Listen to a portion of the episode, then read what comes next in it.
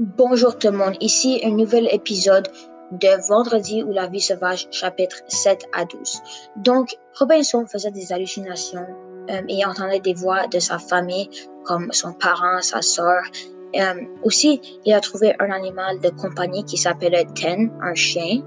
Euh, il savait des Indiens qui ont littéralement coupé quelqu'un en cinq morceaux.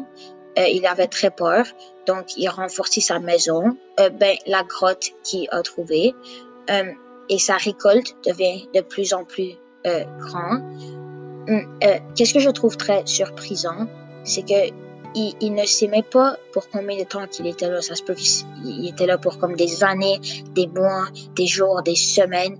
Um, ce, qui, que, ce que je trouve très fou parce que um, si tu sais pas ça, ça veut dire que il y a vraiment comme un problème avec où tu vis et comme qu'est-ce qui il y arrive. Euh, donc, ouais, maintenant je vais passer à mon analysateur pour voir qu'est-ce que lui il a à dire.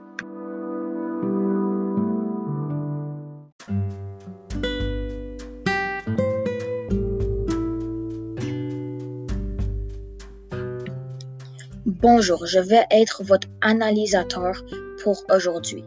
Donc, je trouve ça très triste que Robinson pensait à sa famille et des voix euh, qu'eux ils disaient parce que si j'étais dans cette situation, je pleurerais toutes les soirs et je voudrais juste euh, aller retrouver ma famille.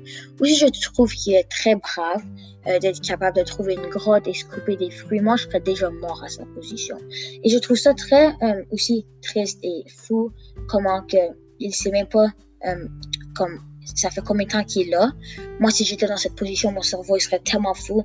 Honnêtement, euh, je serais tellement comme dirait à juste euh, me tuer. Je sais que c'est très euh, c'est très comme mauvais à dire, mais dans cette situation, il y aurait pas beaucoup d'affaires que je pourrais faire. En plus, j'ai rencontré des Indiens qui mettaient des personnes en cinq morceaux, qui est aussi très très fou. Donc, dans sa position, je ne saurais pas quoi faire. Donc, merci de nous avoir écoutés, monsieur journaliste, et à la prochaine.